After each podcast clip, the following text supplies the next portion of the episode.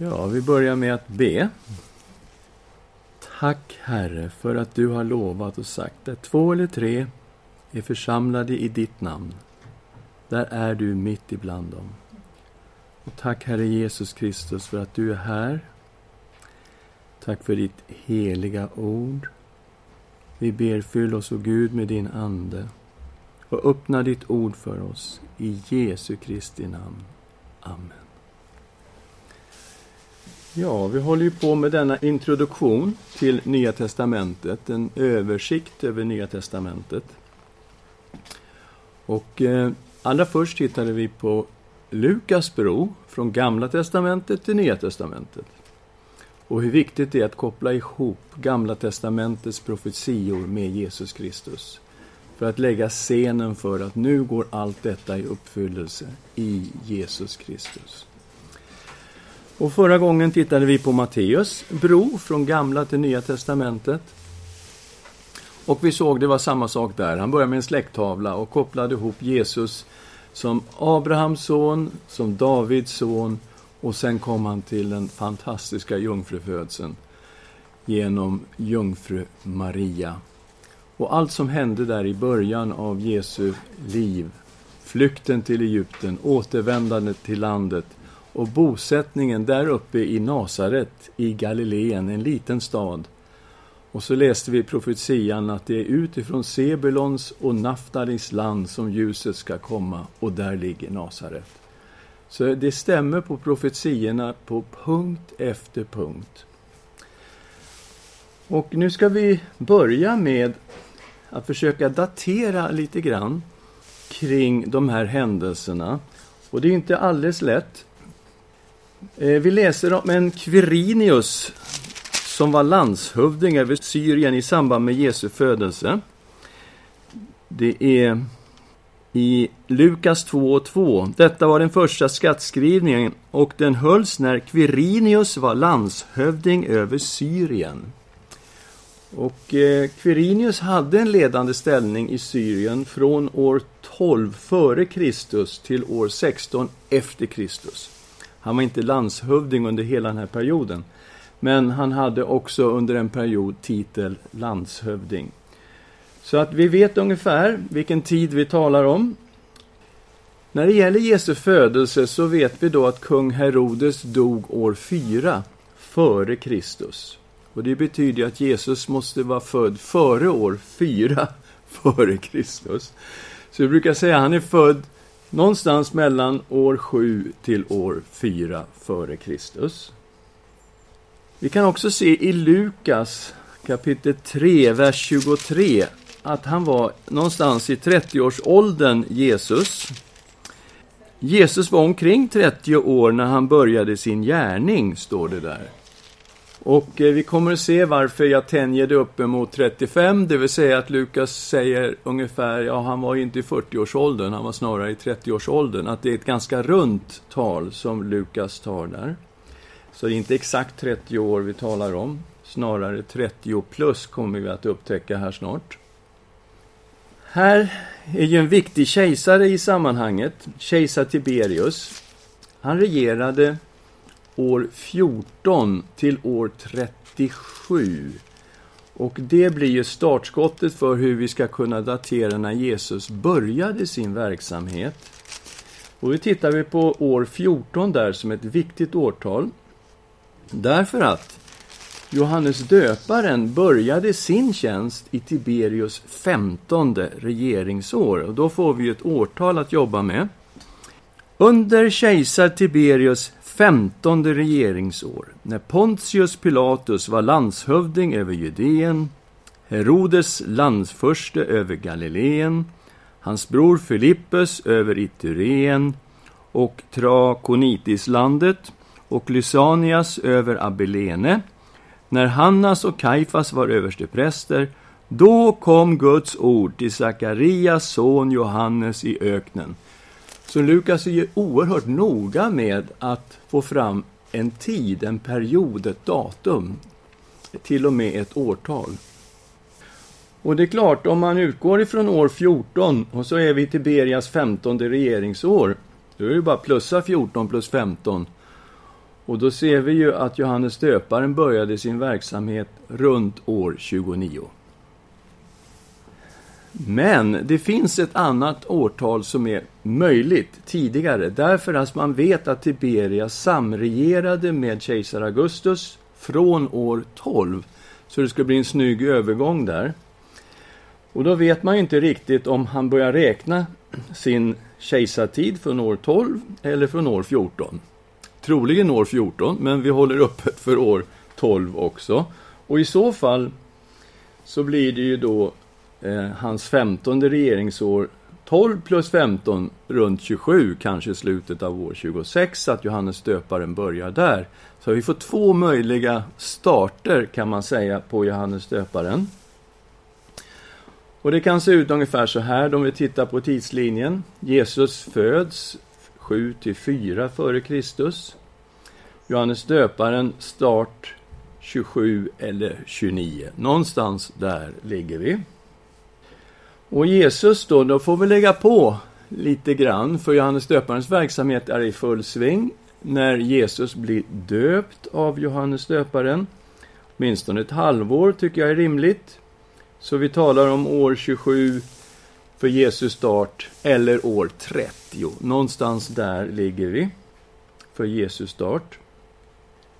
När det gäller Jesus så Hans verksamhet tycks ha varat i ungefär tre år. Och då jobbar man med Johannesevangeliet och ser att man hittar tre påskhögtider i Johannesevangeliet. Kapitel 2 och 13, kapitel 6 och 4, kapitel 12 och 1. Och utifrån det kan man ju dra slutsatserna då att ja, ungefär tre år varar Jesu verksamhet. När det gäller Jesu död så får vi en viktig information i Johannes 19, vers 31. Och det är uttrycket en stor sabbat. Eftersom det var tillredelsedag och judarna inte ville att kropparna skulle hänga kvar på korset över sabbaten, det var nämligen en stor sabbatsdag, bad de Pilatus att de korsfästas ben skulle krossas och kropparna föras bort. Så uttrycket att det inte var en vanlig sabbatsdag, det här är alltså påskhögtid, det är en stor sabbat, det måste betyda att påskdagen inföll på sabbaten, på lördagen. Det ger oss en fingervisning om när, vilket år Jesus blev korsfäst. Därför att judarnas påskdag den inföll varje år den femtonde i månaden Nisan. Och judarnas påskdag inföll på en sabbatsdag år 30 och år 33. Så någon av de här två årtalen är Jesu död. År 30 eller år 33. Så antingen dog Jesus den 7 april år 30 eller också så dog han den 3 april år 33. Det är de här två möjliga starterna för Johannes döparen som leder till att vi också får två möjliga starter för Jesus.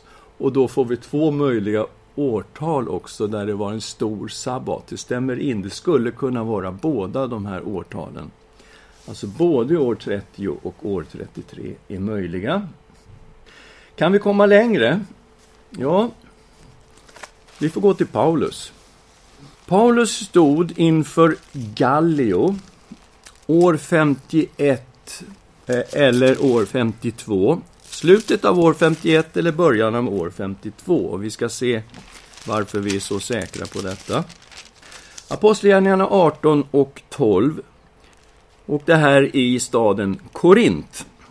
När Gallio var landshövding i Akaja gick judarna till gemensamt angrepp mot Paulus och drog honom inför domstol och sa Den här mannen förleder folk att dyrka Gud i strid mot lagen. Just som Paulus skulle tas till orda sa Gallio till judarna om det vore fråga om något brott eller något illdåd skulle jag naturligtvis ta upp ert klagomål, ni judar. Men gäller det tvistefrågor om ord och namn och er egen lag då får ni själva avgöra saken. I sådana tvister vill jag inte vara domare. Så, Paulus står ju helt klart inför Gallio i Korint. Nu hör det till saken att Gallio var landshövding i Korint från juli år 51 till och med juni år 52. Och för att styrka detta har man dessutom hittat en sten i Delphi, södra Grekland, där Gallios namn är omnämnt. Det står Gallio där inom vita rutan på den här stenen. Den här stenen är daterad till år 52. Så att Paulus har stått inför Gallio antingen hösten 51 eller våren 52. Och när man tittar lite noggrannare in på Gallio så kan man se att mycket talar för att det var hösten 51 som Paulus stod inför Gallio. Och det gjorde vi när vi gjorde bakgrundsstudiet till första Thessalonikerbrevet. Det var då vi grävde lite djupare i detta. Ja, vi bygger på vår tidslinje. Man kan alltså dra slutsats då ifrån att backa lite grann i apostlagärningarna från när Paulus står inför Gallio, komma fram till apostlamötet i Jerusalem måste ha skett år 49, år 50. Så det här blir en hörnsten nu för oss. Därför att med hjälp av det här årtalet 4950 ska vi nu titta på när Paulus blev frälst. Och då går vi till Galaterbrevet, ett Paulins brev. Där beskriver Paulus i första kapitlet sin omvändelse. Det här dramatiska mötet som skedde på vägen till Damaskus när Herren uppenbarade sig för honom. Men vad var det som hände? Eller 17 versen tar vi, tror jag. Jag får inte upp till Jerusalem, till dem som var apostlar före mig, utan jag begav mig till Arabien och vände sedan tillbaka till Damaskus. Först tre år senare for jag upp till Jerusalem för att lära känna Kefas och jag stannade hos honom i 15 dagar. Ja, så när Paulus blir frälst i Damaskus så for han alltså inte direkt upp till Jerusalem som man skulle kunna tro när man läste Apostlagärningarna. Utan han säger, jag får ju först tre år till Arabien. Och därefter far han upp till Jerusalem. Okej. Okay. Vi har dessutom sen i 2 och 1 skriver han så här. 14 år senare for jag åter upp till Jerusalem, nu tillsammans med Barnabas. Också Titus tog jag med mig. Okej, okay, då kan det vara så att Paulus blev frälst redan år 32. Därför att om du börjar med apostlamötet år 49, du tar bort de 14 åren senare, då backar vi ner till år 35 och så har vi tre år i Arabien. Ja, då är vi nere i år 32 som ett möjligt årtal för Paulus frälsning. Det skulle i så fall peka på att Jesus blev korsfäst år 30, om man läser på det sättet. Och inte år 33, för eh, det kan ju inte vara så att Paulus blir frälst innan Jesus blir korsfäst. Det är svårt. Det grejer vi inte. Men det finns ett annat sätt att läsa de här uppgifterna i Galaterbrevet. Och det är nämligen att man utgår från Galaterbrevet 2 och 1 och läser 14 år senare får jag åter upp till Jerusalem. Senare än vad då? Det kan ju vara 14 år efter frälsningsupplevelsen. Det är ju fullt möjligt att han säger så. Att tre år efter frälsningsupplevelsen åker han till Arabien och 14 år efter frälsningsupplevelsen åker han till apostlamötet i Jerusalem. Och då blir det ju, börjar igen vid år 49, ta bort 14 år, hamna på år 35. Då skulle Paulus ha blivit frälst år 35. Jaha, ja då blir det möjligt fortfarande att hålla kvar att Jesus faktiskt blev korsfäst år 33. Om Paulus blir frälst år 35, ja då kan Jesus ha blivit korsfäst år 33. Så båda årtalen håller fortfarande. Och vi plockar in Paulus framför Gallio och vi plockar in apostlamötet på vår tidslinje.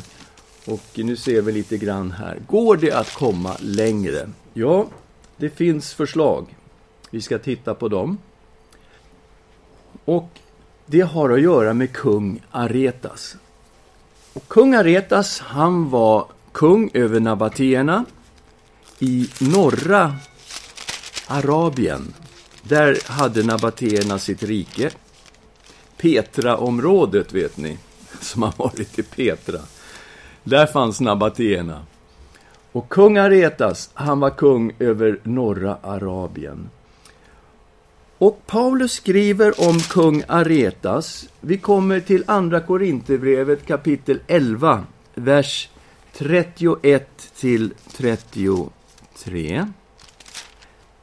Herren Jesu Gud och Fader, som är välsignad i evighet, vet att jag inte ljuger. I Damaskus lät kung Aretas ståthållare bevaka staden för att gripa mig.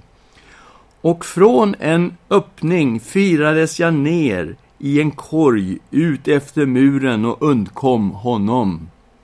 Och det här är ju flykten vi läser om i Apostlagärningarna som Lukas har beskrivit i detalj hur det gick till när de firade ut Paulus i en öppning i muren och han kom undan och tog sig till Jerusalem därifrån. Men kung Aretas ståthållare, så vitt vi kan läsa ut av historien, fick kung Aretas kontrollen över Damaskus först år 37.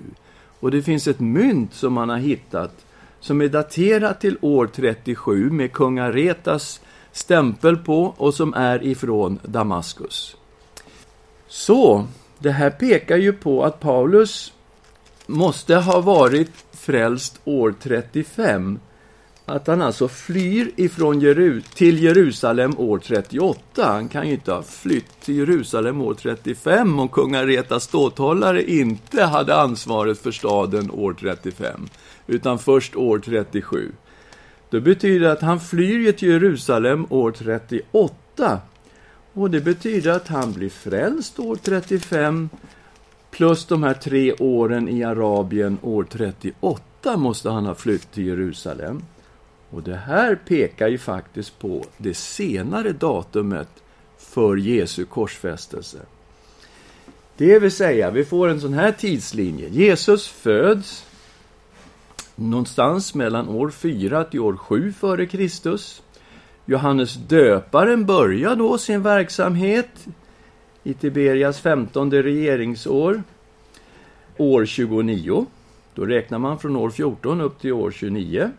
Jesus startar då år 30, har vi lite tid för Johannes döparens verksamhet innan Jesu dop. Vi har då Jesu död tre år senare, den 3 april år 33, uppståndelse 5 april år 33. Vi har Paulus frälsning år 35 och vi ser att Paulus tog sig till Jerusalem år 38 efter att han har blivit frälst. Han har tre år i Arabien och så år 38 tar han sig dit. Vi har apostlamötet 49-50 och Paulus som står inför Gallio år 51. Så här långt kan vi komma, tycker jag, på ett rimligt sätt.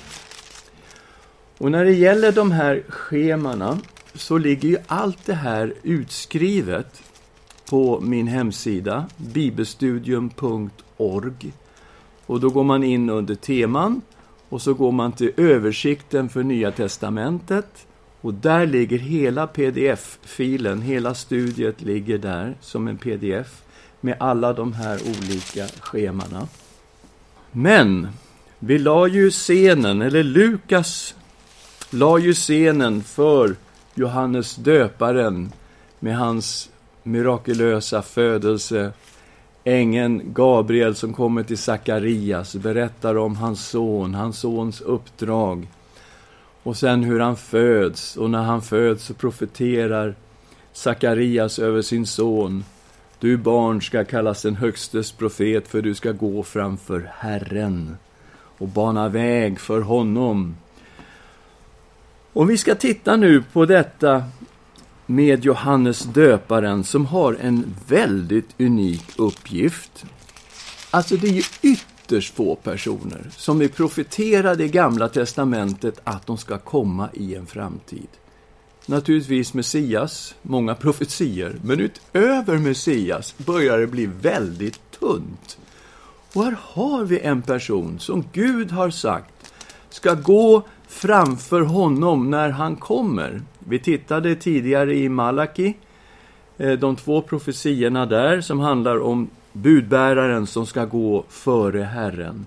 Och det var också det bibelstället som ängeln Gabriel hänvisade till när han talade med Sakarias där i templet. Och vi ska titta lite grann på Johannes döparen som ett huvudvittne för vem Jesus Kristus är, som en introduktion till Messias när han kommer. Och vi kommer att jobba utifrån Johannes. Vi utgår då först ifrån detta huvudvittne. Vi tittar i Johannes 1, vers 6 8. En man trädde fram, sänd av Gud. Hans namn var Johannes. Han kom som ett vittne för att vittna om ljuset, för att alla skulle komma till tro genom honom. Själv var han inte ljuset, men han kom för att vittna om ljuset. Och det här var ju hans uppdrag, att bana väg för Herren när han skulle komma. Ljuset, som Johannes kallar honom för här, Jesus Kristus alltså, för att alla skulle komma till tro på Jesus Kristus. Det var därför Johannes var utsänd. Och han säger märkliga saker om Jesus. I 1 och 15 av Johannes läser vi Johannes vittnar om honom och ropar Det var om honom jag sade Han som kommer efter mig är före mig eftersom han var före mig. Ja, men Johannes döparen är ju äldre än Jesus. Så vem är det här som var före honom, som fanns innan Johannes döparen? Han talar om Jesu preexistens. Det kan inte vara en vanlig människa, det förstår vi ju redan på det här vittnesbördet. Och det går vidare. Jesus är Herren Gud. Och här har vi nu utfrågningen av Johannes döparen, vem han är och varför han döper. 1 och 19. Detta är Johannes vittnesbörd. När judarna hade sänt till honom präster och leviter från Jerusalem för att fråga honom vem han var. Han bekände och förnekade inte sanningen. Han bekände, jag är inte Messias. De frågade honom, vad är det då? Är du Elia? Han svarade, nej, det är jag inte. Är du profeten? Han svarade, nej. Då sa de till honom, vem är du då? Vi måste ge ett svar till dem som har sänt oss. Vad säger du om dig själv? Han svarade med profeten Jesajas ord. Jag är rösten som ropar i öknen, gör vägen rak för Herren. Okej, det betyder ju att han håller på och banar väg för Herren själv. Och vi ska titta in lite grann där i Jesaja 40, där Johannes döparen hämtar sin tjänst. Det är utifrån det här han definierar sig, vem han är och vad han har för uppdrag. Jesaja 40, vi läser vers, från vers 1. Trösta, trösta mitt folk, säger Herren, tala ljuvligt till Jerusalem och förkunna för det att dess vedermöda är slut, att dess missgärning är försonad och att de har fått dubbelt igen av Herrens hand för alla sina synder. Och så kommer ett budskap, någon som ropar. En röst ropar i öknen. Bered väg för Herren. Bana en jämn väg i ödemarken för vår Gud. Varje dal ska höjas, alla berg och höjder sänkas. Ojämn mark ska jämnas, kuperat land blir slät mark. Herrens härlighet ska uppenbaras. Alla människor ska tillsammans se den, ty Herrens mun har talat. Så bilden är ju en jättestor kung ska komma på besök och man måste bygga en, en motorväg för honom rakt igenom vildmarken.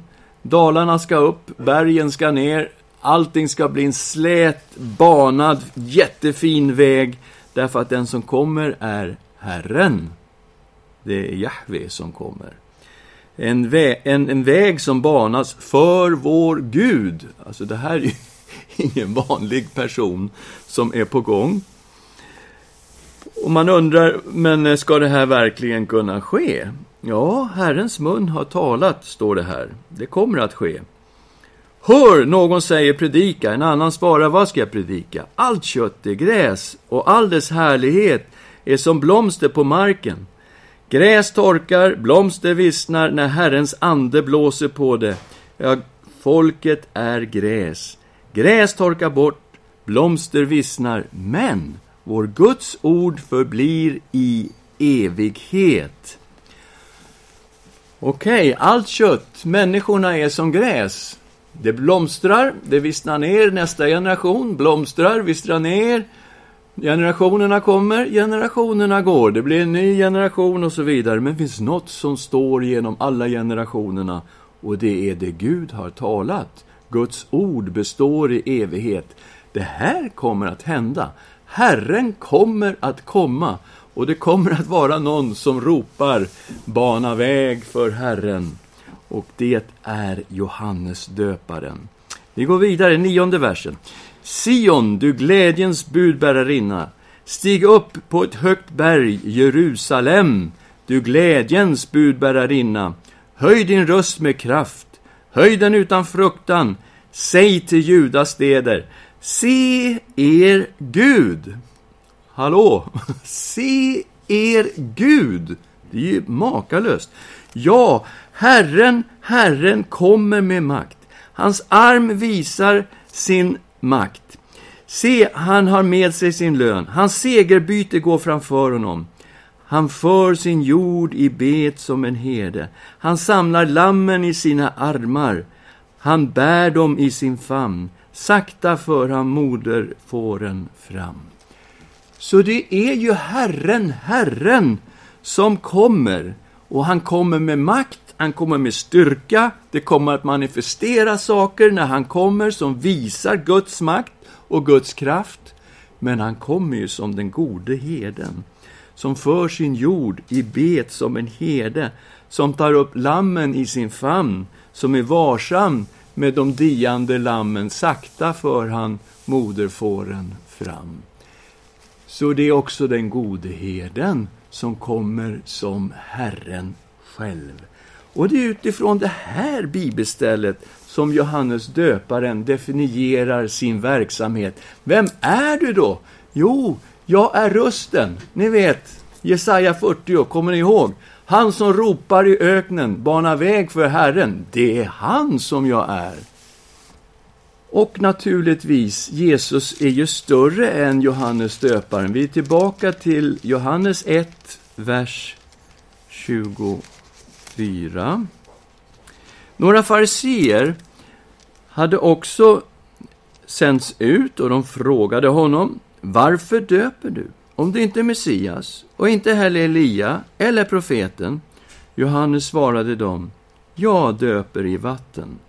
Men mitt ibland er står en som ni inte känner. Han som kommer efter mig. Jag är inte värd att knyta upp remmen på hans sandaler. Och då behöver man stanna till och tänka på vem är Johannes döparen? Han är alltså Herrens profet. Och Jesus säger om honom att han är den störste som är född av kvinna. Och han säger, jag är inte värd att knyta upp sandalerna på den som kommer efter mig. För det är ju Herren som kommer. Och det här bildspråket som Johannes döparen använder är ett bildspråk ifrån Israel på den tiden. Att det var den lägsta uppgiften som fanns i landet. När en gäst kom till ett hus så var det tjänarens uppgift att knyta upp gästens sandalremmar och tvätta hans fötter. Det fanns inget lägre än detta. Och här säger Johannes döparen, ni vet han som kommer efter mig, jag är inte ens värd att göra detta på honom. Så vem är han som kommer? Det är det. Ja, säger Johannes i vers 29. Han är Guds lamm. Nästa dag såg han Jesus komma och han sa Se, Guds lamm som tar bort världens synd. Johannes hade förstått vem Jesus var. Han var Herren, men han var ju också den som var kallad att komma att offra sig själv som ett lamm för hela världens synd. Han var Guds lamm. Och naturligtvis är det Jesaja 53 som vi har här i bakgrunden där Johannes döparen får sin förståelse av vem Jesus är. Han som har kommit för att offra sig för vår skull. Men det var våra sjukdomar han bar. Våra smärtor, de tog han på sig. Vi höll honom för att vara hemsökt, tuktad av Gud och pinad. Han var sargad för våra överträdelsers skull, slagen för våra missgärningars skull. Straffet var lagt på honom för att vi skulle få frid, och genom hans sår blir vi helade. Vi gick alla vilse som får, men Herren lät allas vår missgärning drabba honom. Det var han som var som ett lamm, som ett får som var tyst inför dem som klipper det. Här är Guds lamm som kommer för att ta bort hela världens synd. Men det är mer än så. Han är ju Guds son. Vi kommer till den 32 versen. Johannes vittnade och sade Jag såg anden komma ner som en duva från himlen och bli kvar över honom. Jag kände honom inte. Men han som sände mig att döpa i vatten sa till mig Den som du ser anden komma ner och bli kvar över han är den som döper i den helige Ande. Jag har sett det och jag har vittnat att han är Guds son. Så det är ju jättestarkt vittnesbörd. Johannes döparen hade fått ett tecken från Gud när han sändes ut. Och det var att om den person som han ser, den helige Ande, komma ner över och som blir kvar över den här personen, han är den som döper i helig Ande. Det är han som är Messias, det är han som är Guds son. Och Johannes döparen säger, jag har sett det här. Och jag har vittnat, han är Guds son. Och det här är förstås det som sker vid Jesu dop. Bokstavligt.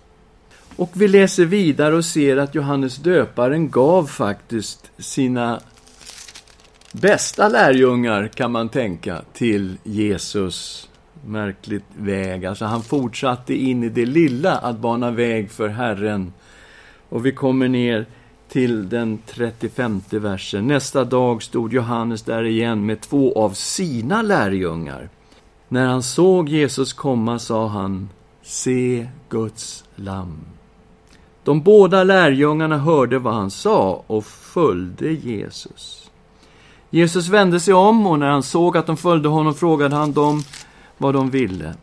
De svarade Rabbi, det betyder lärare, var bor du? Han sa till dem, kom och se. Då gick de med honom och såg var han bodde och stannade hos honom den dagen. Det var omkring tionde timmen.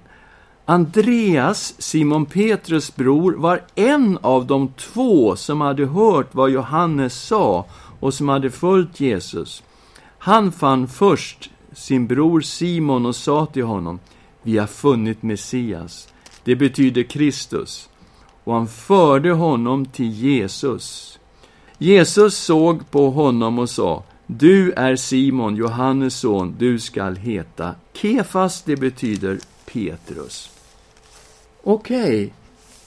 här ser vi nu att det är två av Johannes lärjungar som står tillsammans med Johannes och Johannes pekar ut Jesus och säger se Guds lam. Det som han säger till de här två, det är han jag har talat om. gå efter honom. Och de två går efter Jesus och Jesus vänder sig om och undrar vad vill ni för någonting? Var bor du någonstans? Och så stannar de hos Jesus och kommer fram till, ja, det är sant. Det här är Messias. Och en av de två är namngiven, det är Andreas. Och han hittar sin bror Petrus och säger, vi har hittat honom. Vi har hittat Messias, vi har hittat Kristus.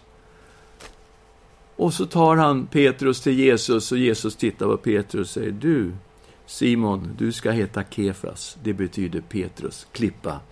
Han får ett namn där redan från början. Och den andra lärjungen är ju inte namngiven. Men det finns ju en anonym lärjunge genom hela Johannes evangeliet och när man gör ett noggrant studium om vem den anonyme lärjungen är, så är det ju Johannes, aposteln Johannes. Jaha, då har vi Andreas och då har vi Johannes. Okej. Okay. Och så har vi Petrus. Men Johannes hade ju en bror som hette Jakob. Oj då, nu börjar det bränna till. Här har vi Simon Petrus, Andreas, Jakob och Johannes.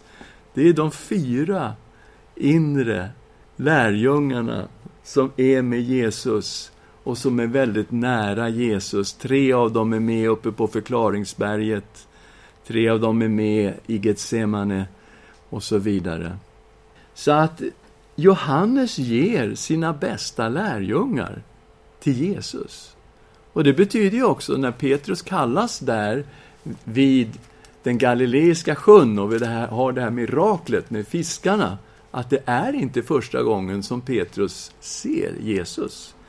Och då får man ju en annan bild när Jesus kommer gående på stranden och säger Petrus, kan jag få låna din båt? Jag vill predika för folket. Ja, visst, säger Petrus, jag vet ju vem du är, varsågod. Och så sätter han igång och predikar. Och sen så kommer ju det här märkliga undret med fiskarna och Petrus förstår i djupet vem den här personen är. Och han säger, Herre, gå, gå från min båt, jag är en syndig människa. Och Jesus säger, var inte rädd Petrus. Följ mig, du ska bli människofiskare. Ja, här har vi bilder av den traditionella dopplatsen i Israel vid Jordanfloden. Och eh, vi ska avsluta med att läsa just Jesu dop. Och då är vi i Lukas kapitel 3, vers 21 och 22.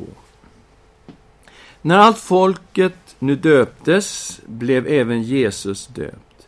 Och medan han bad öppnades himlen och den helige Ande sänkte sig ner över honom i en duvas skepnad.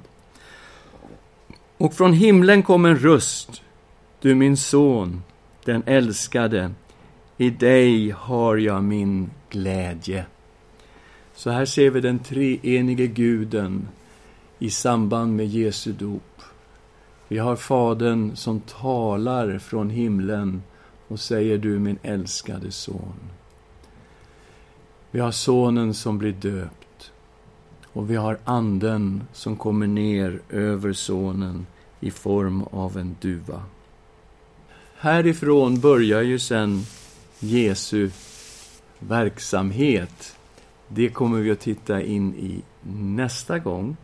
Men här har vi nu lyssnat till huvudvittnet, Johannes, Johannes döparen. Vad har han sagt om Jesus? Ja, han har talat om hans preexistens, att han fanns innan han föddes. Att han är Herren Gud själv. Att han är mycket större än Johannes. Johannes är inte ens värd att knyta upp hans sandalremmar. Att han är Guds lam som kom för att ta bort hela världens synd. Att han är den som döper i den helige Ande och att han är Guds son. Och vi såg också hur Johannes gav sina egna lärjungar till Jesus. Ska vi be tillsammans? Herre, vi tackar dig för ditt ord. Och tack för att ditt ord står fast. Och ju djupare vi ser i ordet, desto mer ser vi hurdan du är, Jesus Kristus, Guds son och att du kom till vår värld för att frälsa människor och ta bort hela världens synd. Du är Guds lam, du är också vår frälsare och Herre. Vi överlåter våra liv i din starka hand. I Jesu namn. Amen. Ja, har ni några kommentarer, tankar så? Jag tyckte det var spännande att höra den eh, Petrus hade träffat Jesus förut. Ja, det är en eye-opener, för det ser man ju inte i synoptikerna. Man tror ju att det är första gången när man läser där. Och så läser man i Johannes och fattar att nej, men så kan det nog inte ha varit. Vad gjorde han renare på den tiden? Ja, precis. Man blir inte så impad över just vattnet nu då. Eh, I 2000, var det där, 14 kanske. Jag tror att det var renare. Ja, jag tror det. Ja, mindre kemikalier och eh, det är en helt annan användning av Genesarets sjö också på den tiden som eh, det är klart, nu, nu man försöker, man får inte ha motorbåtar där, utan man är, det är dricksvatten och så utifrån Genesarets sjö. Så att, eh, mm. Ja, jag vet inte, men när man kommer ner, uppe i sjön är det ju väldigt klart vatten, eller hur? Uppe vid Genesaret är det jätteskönt, jättefint. Men här nere ser det ut så här, eller har ni inte ni samma erfarenhet? Jo. Alltså, Johannes döparen är så fascinerande. Hur han har en kallelse att bana väg för Kristus och inte går till Jerusalem och de större städerna. Den går istället sig i ödemarken. Alltså vilken dålig strategi. Och ändå har det ett genomslag på hela folket. Det är ju märkligt. Och till och med så starkt så att när man läser Paulus i Apostlagärningarna och han kommer till synagogorna, då hänvisar han till Johannes. Så judarna överallt i romarriket är ju medvetna om Johannes och hans uppdrag. Så Paulus också ute i romarriket använder Johannes som ett huvudvittne för att peka på Jesus. Så det är ju fantastiskt, och det är därför han finns i alla fyra evangelierna. Han är en nyckelperson. Men hur han kunde genomföra detta uppdrag genom att stå ute i ödemarken och ropa, det går inte att få ihop riktigt. Men det var ju som kraft i det han sa, så folket strömmade ju ner till Jordan för att höra honom predika. Så det var ju en andeutgjutelse helt enkelt. Och hans budskap är väldigt enkelt. När man vattnar ner det så är det ju Omvänd er från era synder och tro på den som kommer efter mig. Det är det ni ska göra. Omvänd er och tro på den som kommer efter mig. Det är hans budskap. Och så banar han väg för Herren.